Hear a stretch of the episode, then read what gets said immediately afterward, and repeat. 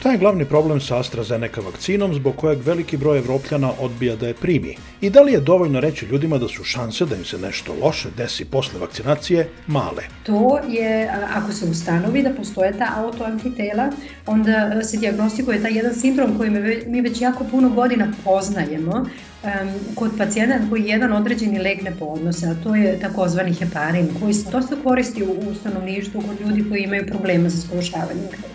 Znači, onda u tom trenutku mi jednostavno znamo, ok, znači došlo je sada do jedne dijagnoze i ključno je kod tih ljudi zaustaviti tu vrstu imune, autoimune reakcije. Kada mi slušamo rizik je 0,05% i igrom slučajeva ja budem u tih 0,05%, to je za mene 100%.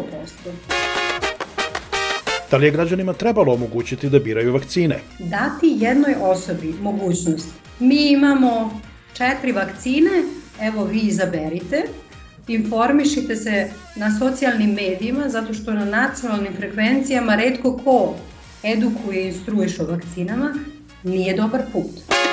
Znači, ne može svako sam za sebe da odluči za mene je ta i ta vakcina idealna. To je previše komplikovana materija. Zašto vakcinacija u bogatom svetu neće trajno savladati pandemiju? Znači, najveći deo vakcina, negde oko 90% otišao je sad na bogate države. Siromašne države su, kao što su i pre, u drugim sektorima bili gubitnici, nažalost i ovde gubitnici i to je jedna velika nepravda.